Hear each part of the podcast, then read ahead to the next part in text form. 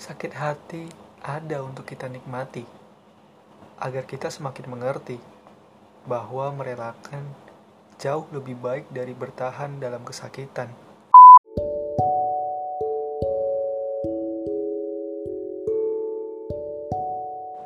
Tak seperti perasaanku padamu, media sosial punya batas keasikannya masing-masing.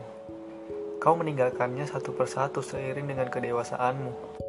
Aku masih senang menikmati kegilaan, sedangkan kau terlalu jauh menyiapkan masa depan.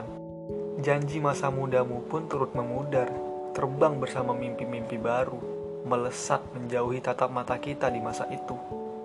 Kau memilih seseorang untuk jadi yang utama di setiap hal yang akan kau unggah di kemudian hari, membuatku terpaksa hidup bernapas sunyi.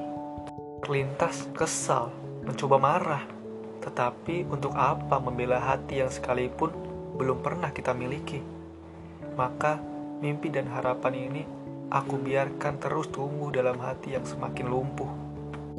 Aku demikian, kau tak sendirian. Sesak semakin memuncak kala aku menemukan dirimu menimang lelaki dan seorang lelaki lainnya berdiri di sebelahmu. Seperti baru kemarin aku mencintaimu. Kini kau telah memiliki keluarga baru. Rona elegi pesat berubah macam teknologi. Kau melesat begitu cepat, menancapkan kecewa begitu kuat pada hati yang masih ingin memelukmu erat. Remuk, hancur berserakan. Namun, aku tak punya daya untuk pembelaan. Maka, Biarkan saja luka ini yang berbicara, menumpuk lara, mengubur diri untuk dikabarkan angin ke setiap telinga. Bahwa pernah hidup sebuah perasaan yang akhirnya mati ditikam kenyataan. Demikian, sendirian.